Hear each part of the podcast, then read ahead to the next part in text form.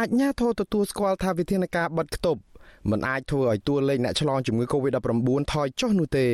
ក៏ប៉ុន្តែបើមិនបិទគប់វិញតួលេខអ្នកឆ្លងជំងឺនេះនឹងកើនឡើងខ្លាំងលើសនេះដែលពិបាកនឹកស្មានដល់ អ្នកនាំពាក្យសាលារដ្ឋាភិបាលភ្នំពេញលោកមេតមាសភក្តី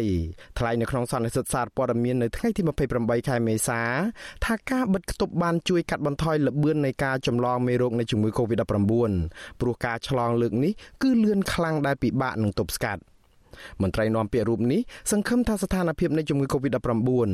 នឹងធូរស្រាលឡើងវិញតាមរយៈការយកអ្នកជំងឺ Covid-19 ចេញពីតំបន់កំពុងប្រឈមខ្លាំងនិងការចាក់វ៉ាក់សាំងឲ្យប្រជាពលរដ្ឋរស់នៅក្នុងតំបន់ក្រហមជាដើម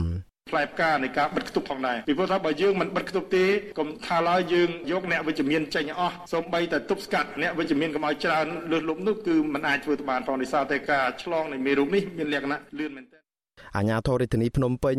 និងអាជ្ញាធរពាក់ព័ន្ធបានធ្វើសន្និសីទកាសែតរួមគ្នាមួយនៅព្រឹកថ្ងៃទី28ខែមេសាដើម្បីបង្ហាញពីវិធានការនានាដើម្បីទប់ស្កាត់ការឆ្លងរីករាលដាលនៃជំងឺ Covid-19 នេះ នៅក្នុងនោះមានទាំងវិធានការបិទគប់ការបែងចែកតំបន់ដែលមានការឆ្លងខ្លាំងឆ្លងមធ្យមនិងឆ្លងតិចឲ្យទៅជាពណ៌ក្រហមពណ៌លឿងទុំនិងពណ៌លឿង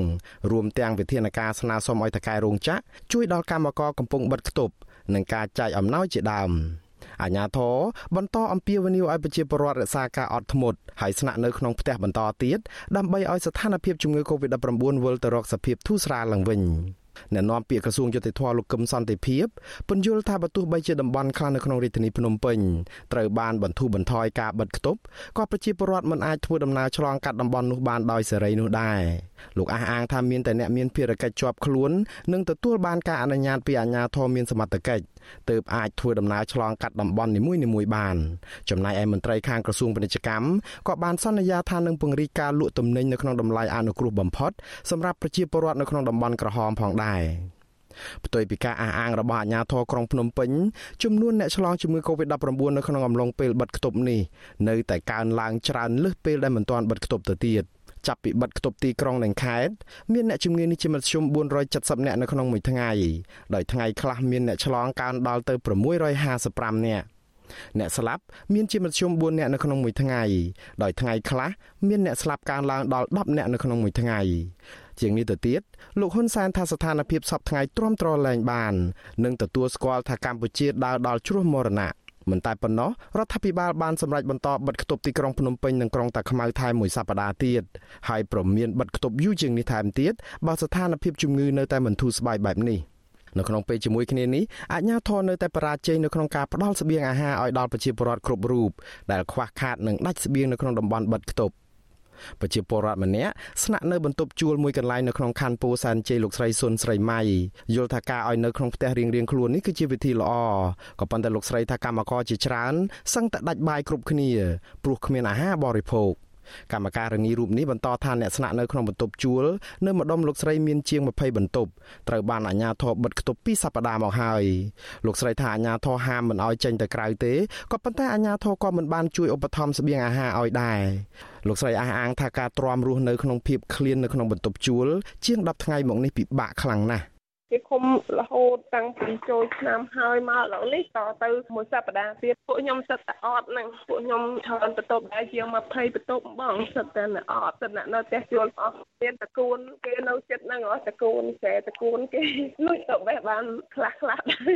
បើអត់អីហូបអីបងឯងមើលតពេលទៅរកបេះតកូនខ្លះឡើយខ្លួនរិចរិចបេះចង់អស់យកមកដាក់មួយមីសុំជួយពួកខ្ញុំផងពួកខ្ញុំអត់មានអីហូបទេបងអើយ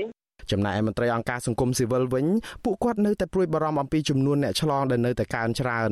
និងយន្តការជួយប្រជាពលរដ្ឋដែលរងផលប៉ះពាល់មិនទាន់មានប្រសិទ្ធភាពពួកគាត់បន្តថាការបិទគប់ដោយគ្មានយន្តការគិតគូរពីតម្រូវការចាំបាច់របស់ប្រជាពលរដ្ឋឲ្យបានច្បាស់លាស់ជាការនាំទុកឲ្យប្រជាពលរដ្ឋកាន់តែលំបាក ប្រធានសមាគមប្រជាធិបតេយ្យឯករាជ្យនៃសេដ្ឋកិច្ចក្រៅប្រព័ន្ធលោកវុនពៅយល់ថាដើម្បីឲ្យការបិទគប់ទទួលបានប្រសិទ្ធភាពទៅបានតើតែអាជ្ញាធរគួរតែគិតគូរអំពីការផ្គត់ផ្គង់ឲ្យអាហារហូបចុកឲ្យបានដិតដល់ជាងសប្តាហ៍ថ្ងៃនេះក្រៅពីនេះលោកថារដ្ឋាភិបាលគួរអន្តរាគមន៍ទៅធនាគារឲ្យប្រជាពលរដ្ឋអាចផ្អាកការសងបំណុលមួយរយៈនិងបើកឲ្យអាជីវករលក់ដូរទ្រង់ទ្រាយតូចអាចប្រកបមុខរបរបានវិញ បន្ថែមពីនេះលោកក៏ជំរុញឲ្យអាជ្ញាធរពិចារណាឡើងវិញចំពោះការដាក់សង្កាត់ទាំងមូលជាតំបន់ក្រហមឬតំបន់លឿងទុំនោះ